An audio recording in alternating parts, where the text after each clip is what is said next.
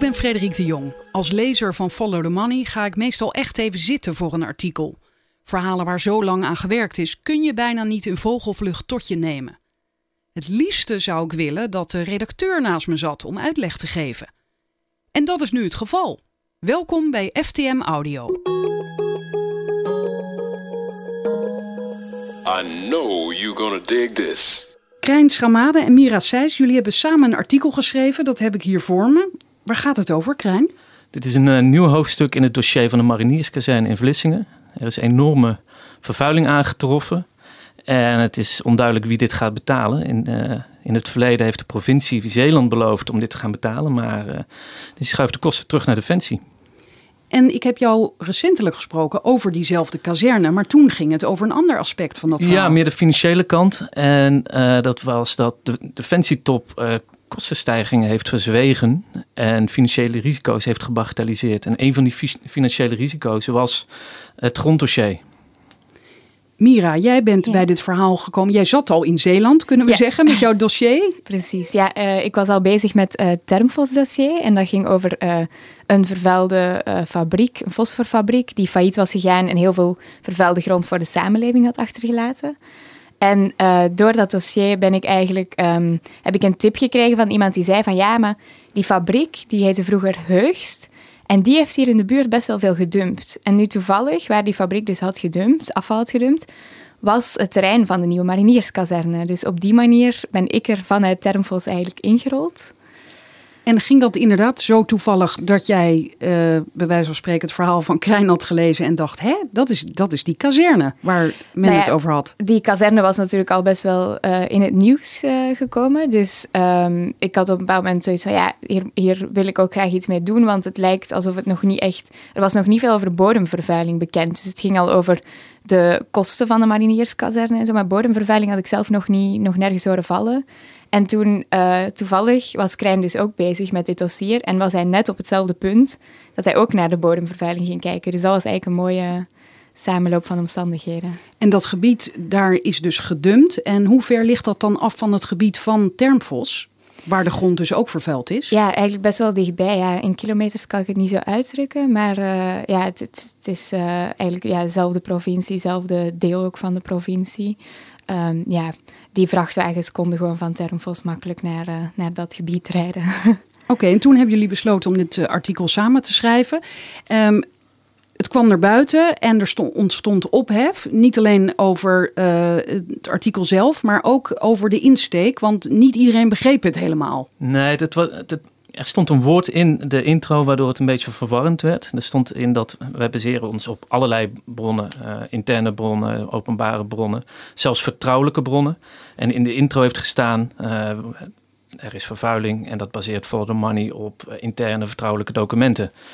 Maar dat ligt, lag dus iets genuanceerder en daardoor dacht men, zou men kunnen denken dat het werd verzwegen door Defensie en door de provincie dat we dat bedoelden. Maar dat is niet maar zo. dat is niet zo. Dat als je gewoon het artikel leest, dan uh, haalt Mira een, een, een, artikel van uh, de provinciale Zeeuwse Courant uit 1980 aan, waarin het al wordt, uh, wordt aangestipt. Dus dat. maar dat hebben we voor de, voor de duidelijkheid hebben we dat even toch wat scherper neergezet. Oké, okay, ik ga het lezen en dan kom ik zo bij jullie terug. De titel is Bom onder marinierskazerne Vlissingen. Grond ernstig vervuild. Belofte Carla Pijs blijkt loos. De mariniers moeten van Doorn naar Vlissingen verhuizen, maar er zal nog flink wat werk moeten worden verzet voordat de kazerne daar kan worden gebouwd. Uit tal van rapporten en interne documenten van Defensie blijkt dat de grond ernstig is vervuild. En verspreid over het terrein liggen ook niet ontplofte explosieven uit de Tweede Wereldoorlog. Dat maakt de verhuizing nog duurder dan oorspronkelijk begroot. Wie zal dit betalen? Geboren en getogen Vlissinger Fred Groen, 55 jaar, ziet de voormalige stortplaats aan de oostelijke Bernweg in Vlissingen nog levendig voor zich. Hij speelde er als kind met zijn vriendjes. En hij zegt, op het terrein waar nu die nudistencamping is, kwamen s'nachts vrachtwagens aangereden. Er was geen bewaking aanwezig, de poorten stonden gewoon open. Wij verstopten ons, we vonden dat wel spannend. Zij dumpte er illegaal vaten fosfor, metalen en ander afval. En bij zij staat een plusje, daar kun je doorklikken. Wie wordt daar Ja. bedoeld? Eh, dat zijn eh, de bedrijven Heugst en eh Billiton en eh eh, Pekeny. En dat zijn alle drie bedrijven die nu ook niet meer in die hoedanigheid bestaan. De volgende dag kwam er dan een bulldozer en die reed er overheen. Het was één grote chemische afvalput, zegt Fred Groen. Groen schrok daarom toen hij hoorde dat dit terrein onderdeel zou uitmaken van de nieuwe marinierskazerne, net als een andere voormalige stortplaats.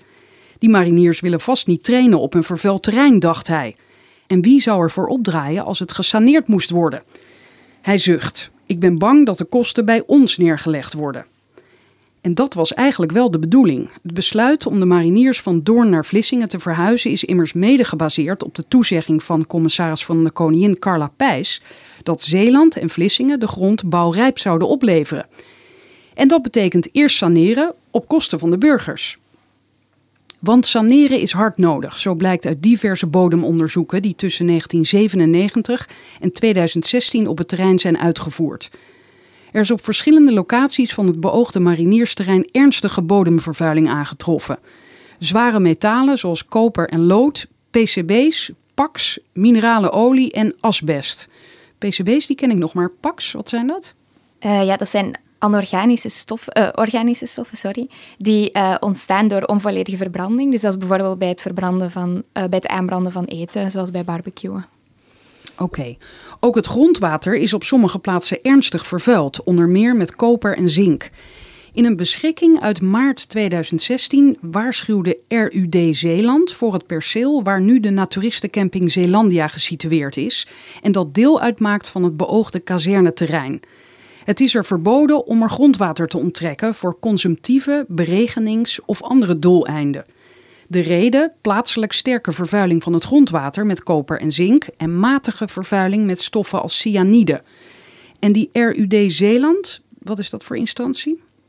Eh, dat is de regionale uitvoeringsdienst Zeeland. En eh, die doen voor de provincie verschillende onderzoeken, bijvoorbeeld bodemonderzoek. De vervuiling op het terrein van het voormalige woonwagencentrum Windhoek is zelfs zo ernstig dat er in 2011 door het woonwagenschap Midden- en Noord-Zeeland aangestuurd werd op onmiddellijke sanering om ecologische schade te voorkomen. Bij het terrein van een voormalige stortplaats wordt melding gemaakt van ernstige bodemverontreiniging. In 1980 schreef de provinciale Zeeuwse Courant al over die locatie dat in de watergangen en slootjes rondom de stortplaats Oostelijke Bernweg regelmatig kleurveranderingen optreden. Al deze percelen maken deel uit van het terrein voor de nieuwe marinierskazerne. Lekker is dat. Ja, ja het eh, van kleur veranderen vonden we ook wel heel eh, beeldend, zeg maar. Dan toont het echt wat die vervuiling doet daar.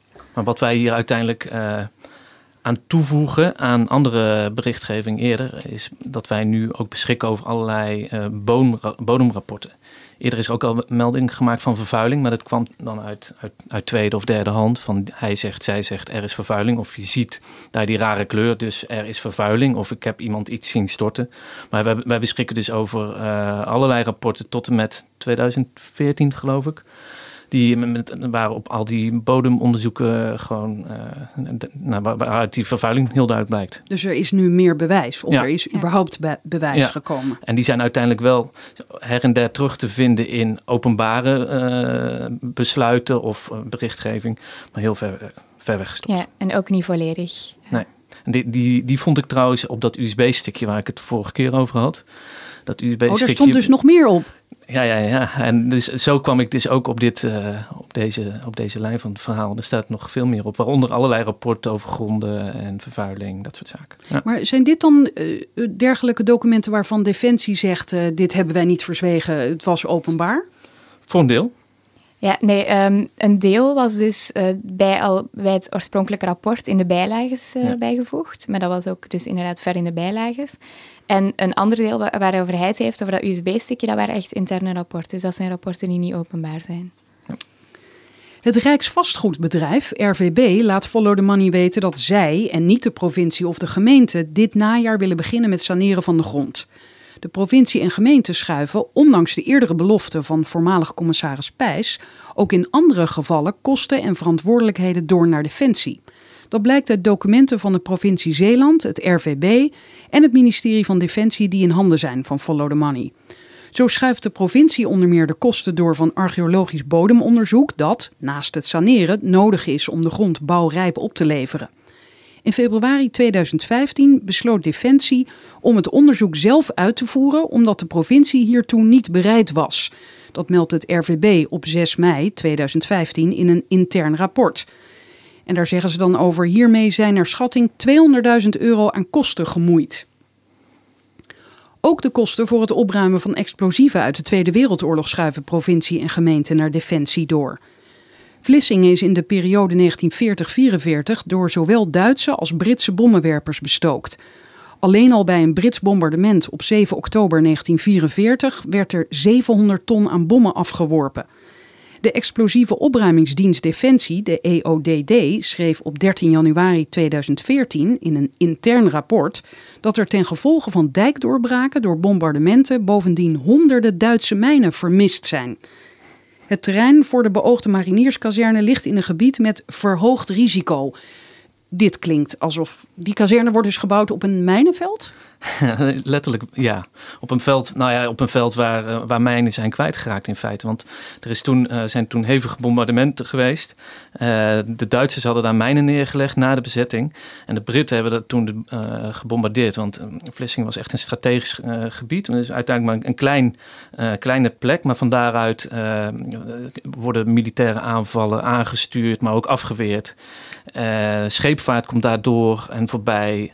En uh, uiteindelijk op, op, een vrij klein gebied van een paar vierkante meter is gewoon heel veel bommen gegooid. En, de, en er liggen dus mijnen.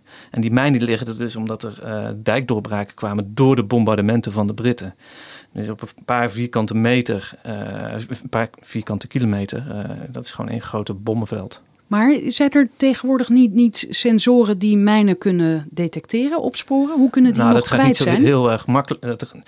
Ze weten uit historisch onderzoek dat daar een aantal, uh, heel groot aantal mijnen moet hebben gelegen.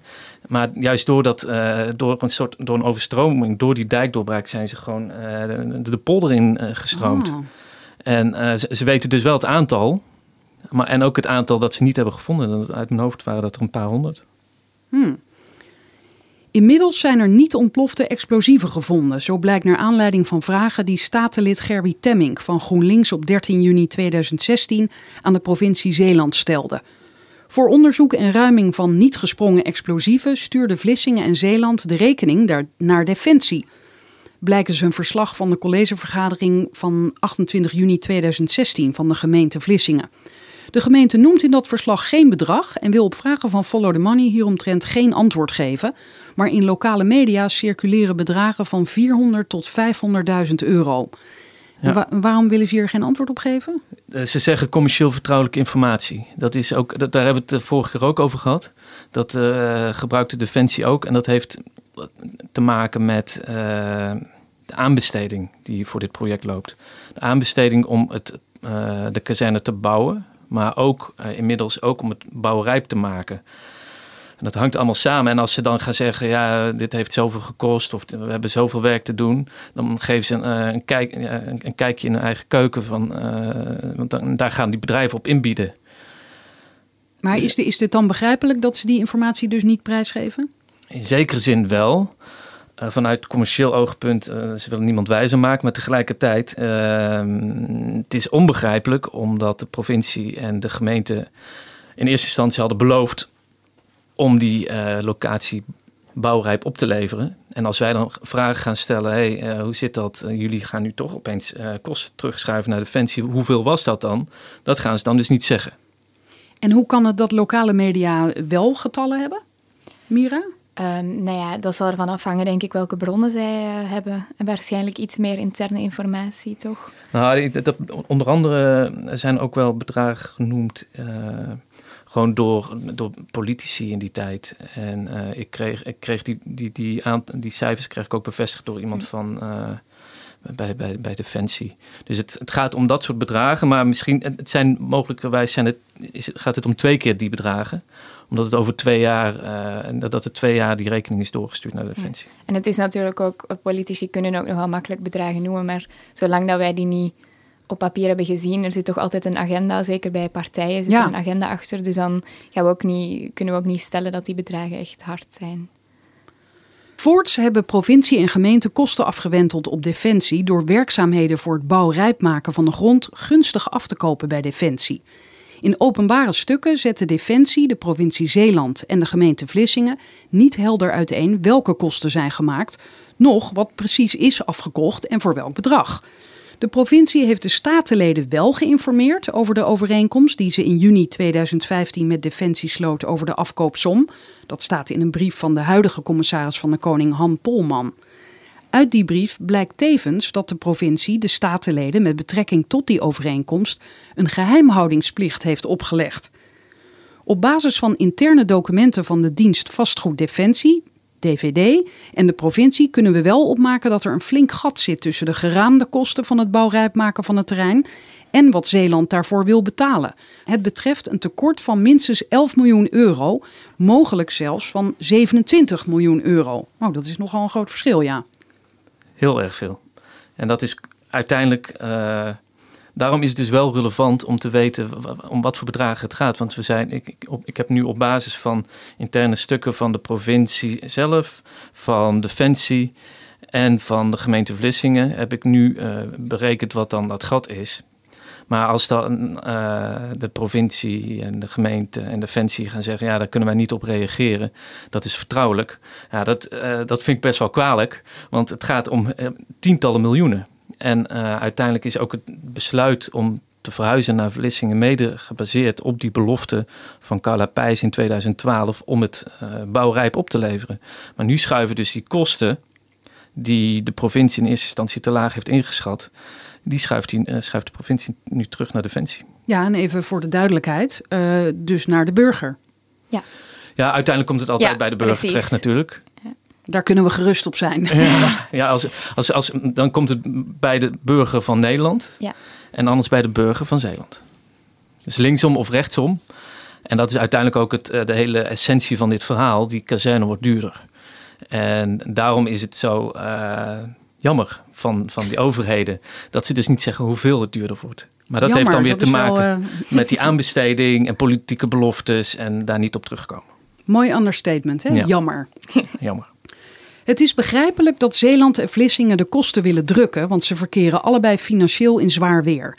Vlissingen is sinds 2016 een artikel 12 gemeente. Wat is dat, Mira? Eh, dat betekent dat eh, de, ehm, een, een gemeente kan in principe niet failliet gaan, maar een gemeente kan wel zo weinig geld hebben dat het staatssteun nodig heeft. Dus eh, Vlissingen staat nu ook deels op financieel gebied onder toezicht van de staat eigenlijk. Dus dat betekent het heel, heel weinig geld hebben. En de provincie Zeeland is zowat failliet na onder meer de bakel rond Termfos. Een ander Zeeuws hoofdpijndossier. Ja, jij verwees daar net al naar. Ja. Dat heb jij helemaal onderzocht. Ja, Ja, want dat, daar is het verhaal. Dat die grond moet ook schoongemaakt worden. Ja. En dat wordt waarschijnlijk door het Rijk betaald. Omdat eh, de provincie geen geld meer heeft. Eh, bij Termfos wordt het door drie partijen betaald. Dat zijn de eigenaar van de grond, maar die is ook deels... ehm, dat is ook een be- overheidsbedrijf van drie gemeenten en de provincie Zeeland. Wordt ook door de provincie Zeeland betaald en door het Rijk. Dus daar zijn ook drie overheidspartijen die eigenlijk al de vuile grond moeten opruimen, ja. Maar jullie noemen het hier dus een hoofdpijndossier. En zeggen daarna de regio is daarom blij met de komst van de kazerne. Want die zorgt voor extra werkgelegenheid en economische ontwikkeling.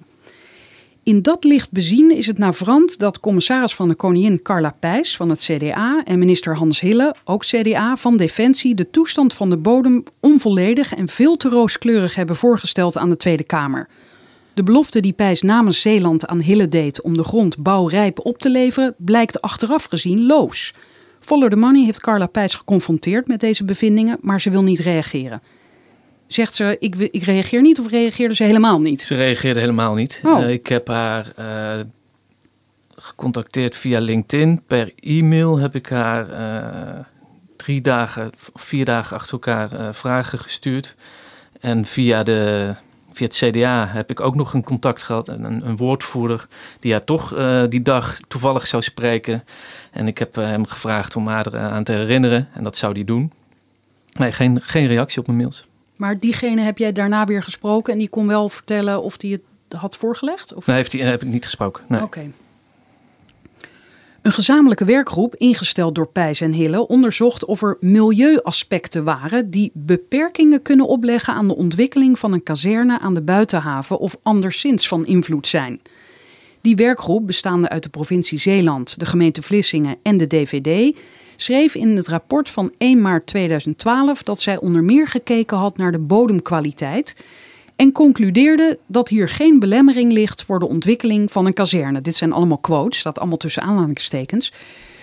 Zij, zij, zagen geen belemmering, niets aan de hand. Nou ja, op papier dus wel. Uh, onder die ene zin dat hier geen belemmering ligt. Onder die ene zin vegen ze eigenlijk die hele problematiek alsof het is, uh, onder controle is. En uh, als je dan gaat kijken in de diep ver weggestopte bijlagen, dan zit daar wel iets van een bodemrapport. En daar wordt wel uh, vervuiling benoemd.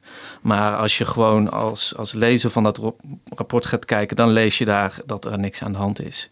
Maar daarmee hebben ze dus ook, kunnen ze nu dus zeggen, uh, we hebben dit ondervangen, maar uh, we hebben het ook niet, ja, niet weg, nou, niet, niet verzwegen wel weggestopt. En hoe moet ik dit voor me zien? Zitten jullie dan naast elkaar zo'n rapport te lezen en wijzen jullie elkaar dan op? Kijk, hier staat het. Hoe, hoe gaat zoiets, Mira? Uh, nou ja, nee, we, we, werken wel grotendeels afzonderlijk, maar we sturen wel naar elkaar door van, oh kijk, dit is leuk. Of het is ook wel leuk als je helemaal in zo'n dossier zit, dan, um, ja, dan, dan kunnen we ook veel sneller uh, snappen wat er, zeg maar, wat anders stuurt. En dan is het soms ook leuk als je iets vindt om het dan door te sturen, om even te, samen te sparren erover. En, uh, want ja, dat ging dan ook over die samenwerking. Dan, uh, ik zat op die lijn van het, uh, het, het, geld en dat het terug werd geduwd naar defensie. En, uh, maar, en, en ik zag dus duidelijk vervuiling, ernstig en gebaseerd op hele goede bronnen, op primaire bronnen, beter dan hoe, hoe het eerder in de media was geweest. Nou ja, dat, dat heb ik dus doorgestuurd naar Mira. En ik, ik had zelf al een beetje dat hele USB-stickje ges, gescand. Er staat dan één mapje op, bodemdossier of gronddossier. Dus dat heb ik gescand. En wat, uh, wat er pikant uitzag, heb ik doorgestuurd naar, uh, naar Mira, want zij is natuurlijk onze milieuexpert. En, uh, en dan al wat, wat leuke quotes erin gezet. nou, daar komt het wel mee uit de voeten. Ja, de, de, luisteraars kunnen nu niet zien hoe, hoe jij zit te lachen, Mira. Jullie, jullie, ja, dat is leuk, die samenwerking. Ik kan me namelijk ja. ook voorstellen dan stap je inderdaad even uit je eigen dossier en heb je een medestander. Ja, precies. Ja, dat, dat is denk ik ook wel het leuke eraan. Dat je ook met z'n tweeën kan bepalen hoe uh, belangrijk iets is en, en, een bepaalde waarde geven aan documenten ook. Want dat soms alleen, dan, dan kan je wel denken van, oh, dit is echt het belangrijkste, maar dat is toch lastiger als iemand anders. Als je dan wilt sparren met een collega, maar die zit er toch niet echt in, dan ja, dat was wel leuk aan dit dossier, vond ik. Een jaar na de rapportage van de werkgroep maakte een DVD-medewerker, dat is die dienst vastgoed van Defensie, in een memo gehakt van de onderzoeken die de gemeente Vlissingen had aangeleverd en waarop de werkgroep haar conclusies baseerde. Een groot gedeelte, circa 50% van het plantgebied, is niet milieuhygiënisch onderzocht door middel van een bodemonderzoek. Meldt de medewerker op basis van historisch bodemonderzoek dat ingenieursbureau Oranjewoud in 2013 voor Defensie uitvoerde. En die quote gaat dan verder. Tevens is gebleken dat vrijwel alle uitgevoerde bodemonderzoeken gedateerd zijn. Meer dan tien jaar oud en niet meer actueel. Hierdoor is vrijwel niets te zeggen over de huidige algemene bodemkwaliteit van de locatie. Wat volgens die DVD-medewerker en het onderzoek van Oranjewoud wel duidelijk is, dubbele punt, uit de uitgevoerde bodemonderzoeken kan geconcludeerd worden dat ter plaatse van vier locaties de grond matig tot sterk verontreinigd is. Maar toen was het al te laat. Minister Hille stuurde het rapport van de werkgroep op 10 april 2012 naar de Tweede Kamer, die mede op basis van dit rooskleurige rapport akkoord ging met zijn voorstel om de mariniers naar Vlissingen te laten verhuizen. In diezelfde periode lichtte Hille de Tweede Kamer bovendien onvolledig in over de kosten van de nieuwe kazerne in Vlissingen, zoals Follow the Money in juni van dit jaar al meldde. Ja, daar hebben wij ook een gesprek over Precies, gevoerd eerder. Ja. Tot nu toe heeft Defensie geen openheid gegeven over de totale kosten van de nieuwe kazerne in Vlissingen.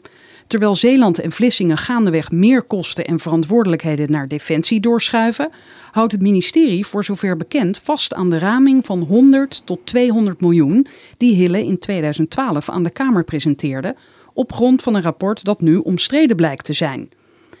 Insiders vertelden Follow the Money dat de totale investeringskosten eerder uitkomen op 300 tot 400 miljoen euro. Onder meer vanwege de deplorabele toestand van de grond. Ja, en in feite eh, bevestigt Defensie dit ook. Uh, alleen hier gaan ze dus weer in op, uh, dus niet in op bedragen, omdat, ze, omdat het commercieel vertrouwelijk is.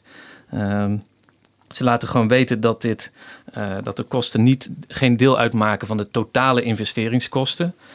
Want dat relateren ze aan de aanbesteding van de bouw. Uh, maar uh, als je, er zijn natuurlijk meer kosten. Ook het bouwrijp maken, dat komt er dan dus eigenlijk bovenop. Dus zij hanteren een ander rekensommetje dat, waardoor het iets lager uitvalt. Maar door, door dit gronddossier wordt het linksom of rechtsom, wie het ook betaalt, het wordt duurder. En dat zouden ze kunnen toegeven zonder bedragen te noemen. Ze zouden wel kunnen bevestigen, inderdaad, het wordt misschien wel twee keer of mogelijk vier keer zo duur. Ja, dat zouden ze kunnen doen, maar dat doen ze niet. En uh, de, Kamer uh, gaat hier over in debat in september. En in vertrouwelijke zin, op, op, vertrouwelijke basis is de Kamer ook voorgelicht over kosten vlak voordat dit artikel verscheen. Ik ben benieuwd of dat erin staat, maar dat weten we dus niet. Want de Kamerleden worden op vertrouwelijke basis geïnformeerd. En dat, zo wordt het, zoals we de vorige keer ook al bespraken, geen onderdeel van het publieke debat. Dus en noem je dat uh, wederom jammer of heb je daar nu andere bewoordingen voor? Dat is jammer, ja. Oh, je houdt het bij jammer. En uh, dat debat wat er komt in september, is dat naar aanleiding van de Kamervragen die gesteld zijn naar aanleiding van dit artikel? Onder Want dat andere, is het geval, ja, hè? Dit, uh, want wij, Isabel Dix van GroenLinks had al Kamervragen gesteld. En toen kwamen wij met, uh, en ik kwamen met verhalen over de kosten.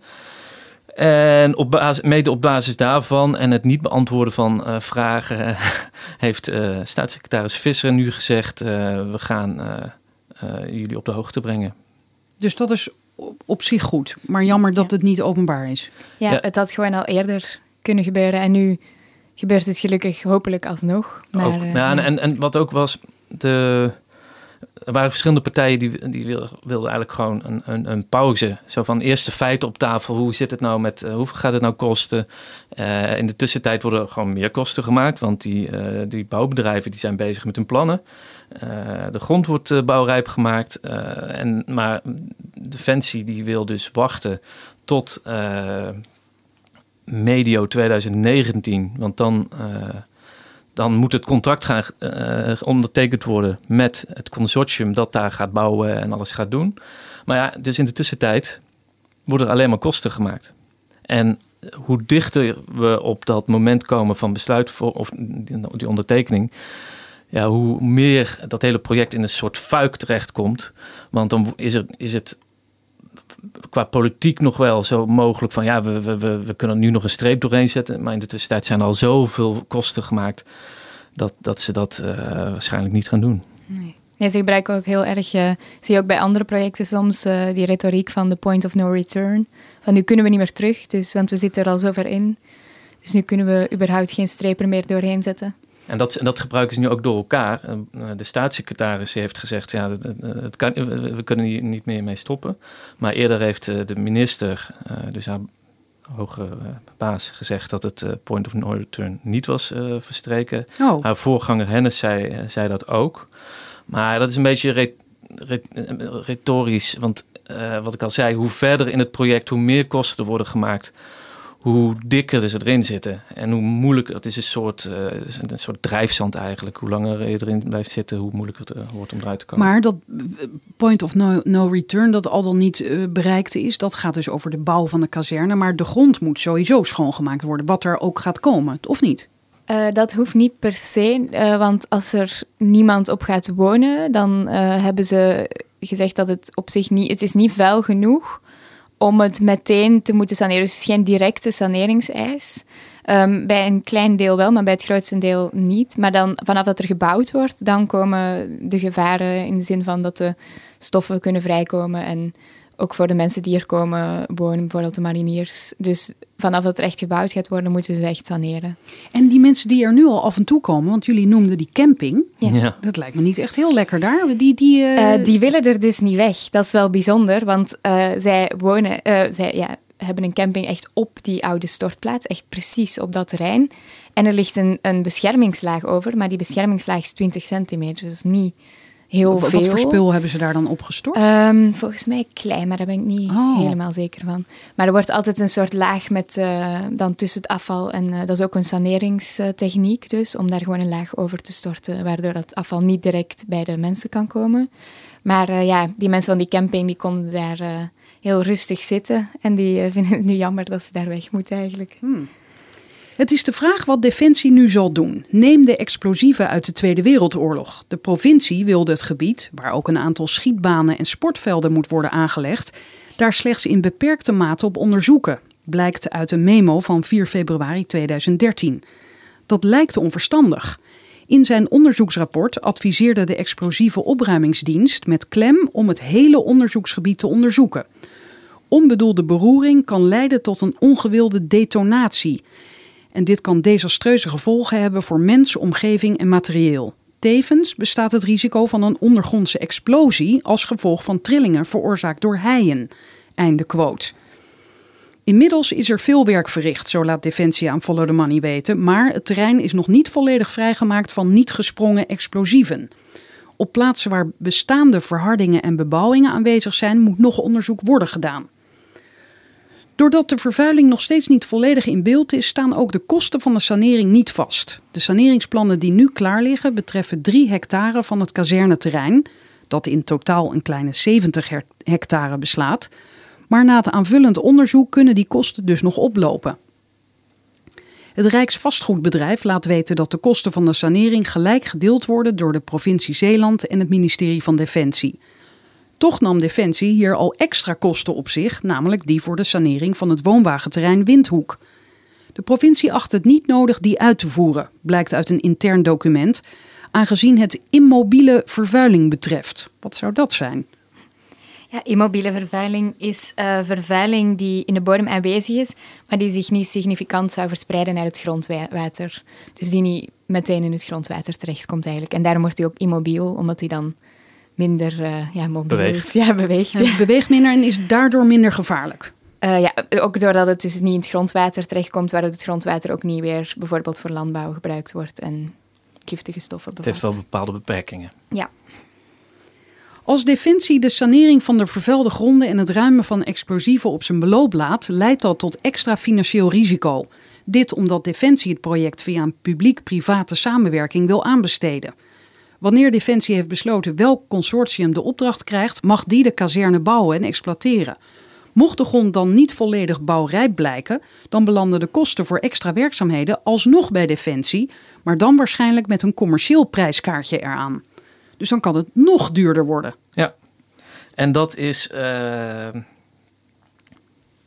heel goed mogelijk. Wat, wat, wat hier kan gebeuren is dat eh, problemen worden aangepakt. Eh, het Rijksvastgoedbedrijf is nu eh, bezig met plannen om te gaan saneren. Dus er, er wordt actie ondernomen. Maar het zou ook heel goed kunnen dat niet alles wordt aangepakt, omdat het best wel een heel erg stevig prijskaartje al heeft. En dat past niet binnen het, eh, het, kader, politieke kader van 100 à 200 miljoen euro. Dan is er een politieke prikkel om die kosten zo laag mogelijk te houden. En, zo ja, en dus de situatie nog, nog lichtelijk te bagatelliseren. Dus dan is het best wel aannemelijk dat eh, als eenmaal dat bedrijf eh, of het consortium aan bedrijven gaat bouwen. en dan stuiten ze als, wellicht alsnog op zaken. Ja, dan, eh, dan moet Defensie dokken. En ze zitten dan vast aan een contract. En als onderdeel van dat contract ook is eh, bijvoorbeeld het, het saneren en het, het, het ruimen van die explosieven, van die niet gesprongen explosieven, dan, eh, ja, dan kunnen ze gewoon een eh, echte hoofdprijs vragen. Ja, hier schrijven jullie dat ook. Extra werkzaamheden na ondertekening van het contract met het consortium zullen bovendien de ingebruikname van de kazerne vertragen, terwijl Defensie dan wel contractueel gebonden is aan de gebruikersvergoeding van ongeveer 15 miljoen euro die het ministerie jaarlijks aan de marktpartij moet betalen. Hoe langer Defensie de problematiek voor zich uitduwt, hoe duurder het project wordt. En hier eindigt jullie artikel. Ja, en dat is ook wel van, van belang. Die, die, die, die vertraging, die wordt ook heel duidelijk genoemd in, eh, Vorige keer hebben we het gesproken over het PPC-eindrapport. Uh, dat is een uh, commercieel vertrouwelijk rapport, uh, wat niet openbaar is gemaakt door de minister. Maar daarin staat dat ook als echt heel expliciet groot risico benoemd. Maar de vraag is nog steeds of ze daar goed mee omgaan ik, ik, neem aan dat ze nu dus uh, veel gaan saneren. Maar hoe langer de problemen blijven liggen, hoe groter de kans op vertraging en hoe groter de kans uh, dat, dat Defensie al vastzit aan die gebruikersvergoeding van 15 miljoen euro per jaar. Zonder dat ze überhaupt die kazerne kunnen gebruiken. Dit klinkt allemaal zo amateuristisch. Mira, of overdrijf ik nu? Ik bedoel, ja, ik, ik, ik vind altijd uh, misschien wel hard om, uh, om amateuristisch te zeggen, maar uh, ja, zoals ook uit de andere artikelen van onder andere Klein en Diewertje ook bleek, zijn er toch echt wel fouten gemaakt in dit dossier, ja. Ja, nee, fouten, maar ook vanuit Hille en andere onderdelen van Defensie, voormalig minister van Defensie Hille, was een, een expliciete wens om te verhuizen naar Vlissingen. En uh, de kaders uh, waren allemaal niet zo helder, maar gewoon het doel was Vlissingen. En uh, dat hoorden we ook, las ik in, in, verschillende interne stukken, dat er werd toegewerkt naar Vlissingen, dat er vooraf helemaal geen duidelijke risicospreiding, risicoplanning was. En alles onder politieke druk. Ja, en het is ook daarnaast heel begrijpelijk uh, vanuit provincie Zeeland en gemeente Vlissingen dat ze graag die kazerne daar hebben. Want voor hen, toch een krimp gemeente en een krimp uh, provincie ook eigenlijk, is het wel belangrijk om zo'n kazerne daar te hebben, ook voor de economie. Dus in die zin is het ook wel begrijpelijk van hun kant dat ze daar zo hard op hebben ingezet. Ja, nu klinkt het opeens inderdaad als een droom van een paar mensen. Iemand presenteert zijn droom en anderen zeggen ja, kom maar hier, want dat levert ja. ons geld op. En we zetten allemaal ongemerkt wat oogkleppen op en we gaan lekker door. Ja, oogkleppen die zijn ook gewoon nog niet af. Dat, eh, dat blijkt wel ook uit de reacties. Nee, dat blijkt ook uit de reactie van Hillen. Die uh, vindt het nog steeds de beste beslissing van zijn leven. Ja. En uh, Carla Pijs wat een, Wat een leven. Ja, Nee, en Carla Pijs heeft in een eerder stadium ook al gereageerd op uh, de onvrede van de mariniers om te verhuizen. En daarvan, en toen zei zij ook, nou, dit is allemaal heel zorgvuldig gegaan en uh, bla bla bla bla bla. Nou ja, zorgvuldig zou ik nu niet plakken op dit dossier. Dit is gewoon een puinhoop. En hoe, hoe zie je, jullie zijn geen voorspellers natuurlijk, maar hoe gaat dat dan verder? Nou ja, ik vrees eigenlijk dat het... Nou ja, vrees um, hangt er vanaf hoe het uh, financieel toch wordt opge, opgepakt. Als het nu heel goed gaat, valt er misschien nog wel het een en ander te redden. Maar dat het wel doorgaat, denk ik. Dat denk ik dus wel. Omdat ook met, dat, met die retoriek van point of no return... en ik denk dat daar ook wel veel mensen in meegaan. En misschien hebben ze ook wel gelijk. Misschien is er gewoon te veel geld al gegeven aan deze kazerne. Maar uiteindelijk zal het dus wel niet zo goedkoop zijn als in eerste instantie was beloofd en gedacht. Maar zullen de mariniers ook meegaan? Want daar hebben we het al in een vorige aflevering hm. over gehad. Ja, die, die hadden al hun twijfels, maar sommigen wisten ook nog niet bijvoorbeeld van die vervuilde grond. Ja, nou, dat, dat klopt. En uh, ik, dat, dat is misschien ook wel een beetje een gelegenheidsargument. Zij zullen dit natuurlijk ook wel uh, uh, omarmen, dit verhaal. Uh, want het is extra munitie om, om die verhuizing niet door te laten gaan. Maar uiteindelijk gaat het er gewoon om of zij een fatsoenlijke kazerne krijgen waar ze kunnen doen wat ze moeten doen en wat ze is beloofd tegen de prijs die is beloofd. En dat, dat is gewoon niet het geval. En daarvoor zijn door de verantwoordelijke ministers en ambtenaren, politici zijn de zaken gewoon anders voorgesteld dan, dan, dan dat ze waren. De financiële risico's zijn lager ingeschat, de kosten zijn lager ingeschat, de bodemgesteldheid is gebagatelliseerd. allemaal met één doel. En de vraag is, ik, ik weet niet of het doorgaat, maar de Tweede Kamer gaat hier nog serieus over praten. Uh, er loopt een geschil tussen de medezeggenschapsraad uh, van Defensie en Defensie. En uh, de medezeggenschapsraad moet toestemming geven. Dus dat kan, is nog een flink obstakel. En de Kamer roert zich wat meer, onder andere door, door, die, door die vervuiling. Dank jullie wel. Graag gedaan. Tot zover FTM Audio. Ga voor meer geschreven verhalen naar ftm.nl. Ik meld me snel weer met een audioartikel. Dag!